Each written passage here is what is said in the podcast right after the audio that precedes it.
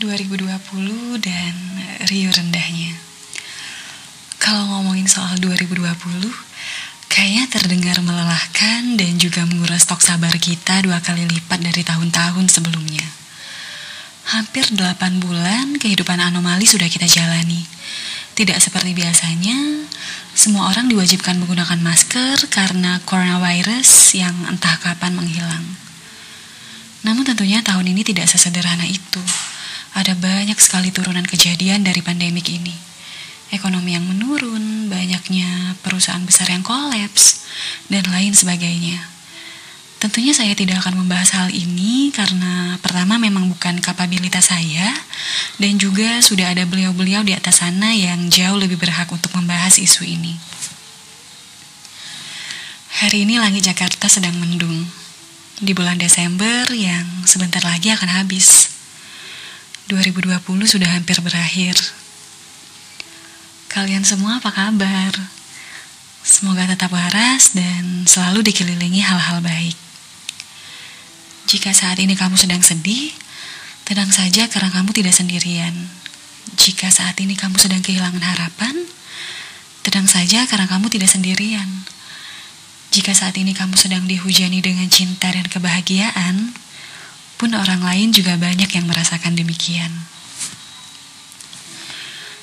Dengan melepas embel-embel pandemik dan kejadian buruk lainnya di tahun ini, hidup memang sebenarnya sudah begitu.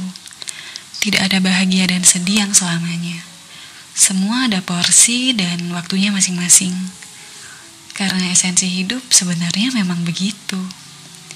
Sedihlah jika memang kamu kebagian giliran untuk bersedih tidak perlu merasa selalu kuat karena kita akan kehilangan jati diri kita sebagai manusia. Pun jika memang saat ini kamu sedang merasa bahagia, jangan sungkan untuk merayakannya. Karena memang hal baik pantas untuk dirayakan. Podcast ini saya buat sebagai pengingat untuk diri sendiri bahwa ternyata saya juga bisa melalui tahun ini dengan baik-baik saja. Bukan berarti tidak ada sedih, namun uh, jika memang mau diceritakan di sini juga sepertinya tidak perlu karena hanya akan membebani siapa saja yang mendengarnya. Saya mau cerita sedikit mengenai penghujung tahun 2019 kemarin. Biasanya di Twitter saya selalu menambahkan daftar harapan untuk tahun depan yang mana yang saya maksud adalah tahun 2020. Bukannya menyebutkan segala hal baik dan harapan untuk tahun berikutnya, saya malah terkesan pasrah dan menerima saja atas apa yang akan terjadi. Dan benar saja, tahun ini hidup saya dipenuhi dengan kepasrahan dan begitu-begitu saja. Kalau mereka bilang ucapan adalah doa, saya meyakini hal itu sepenuhnya.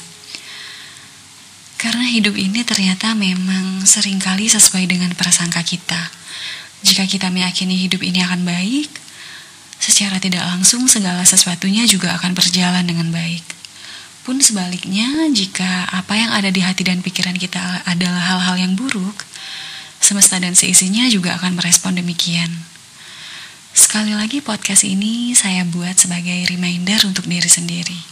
Dan tahun 2020 saya tandai sebagai tahun di mana saya banyak sekali belajar dan salah satunya adalah kesenggangan waktu untuk bisa membuat podcast ini.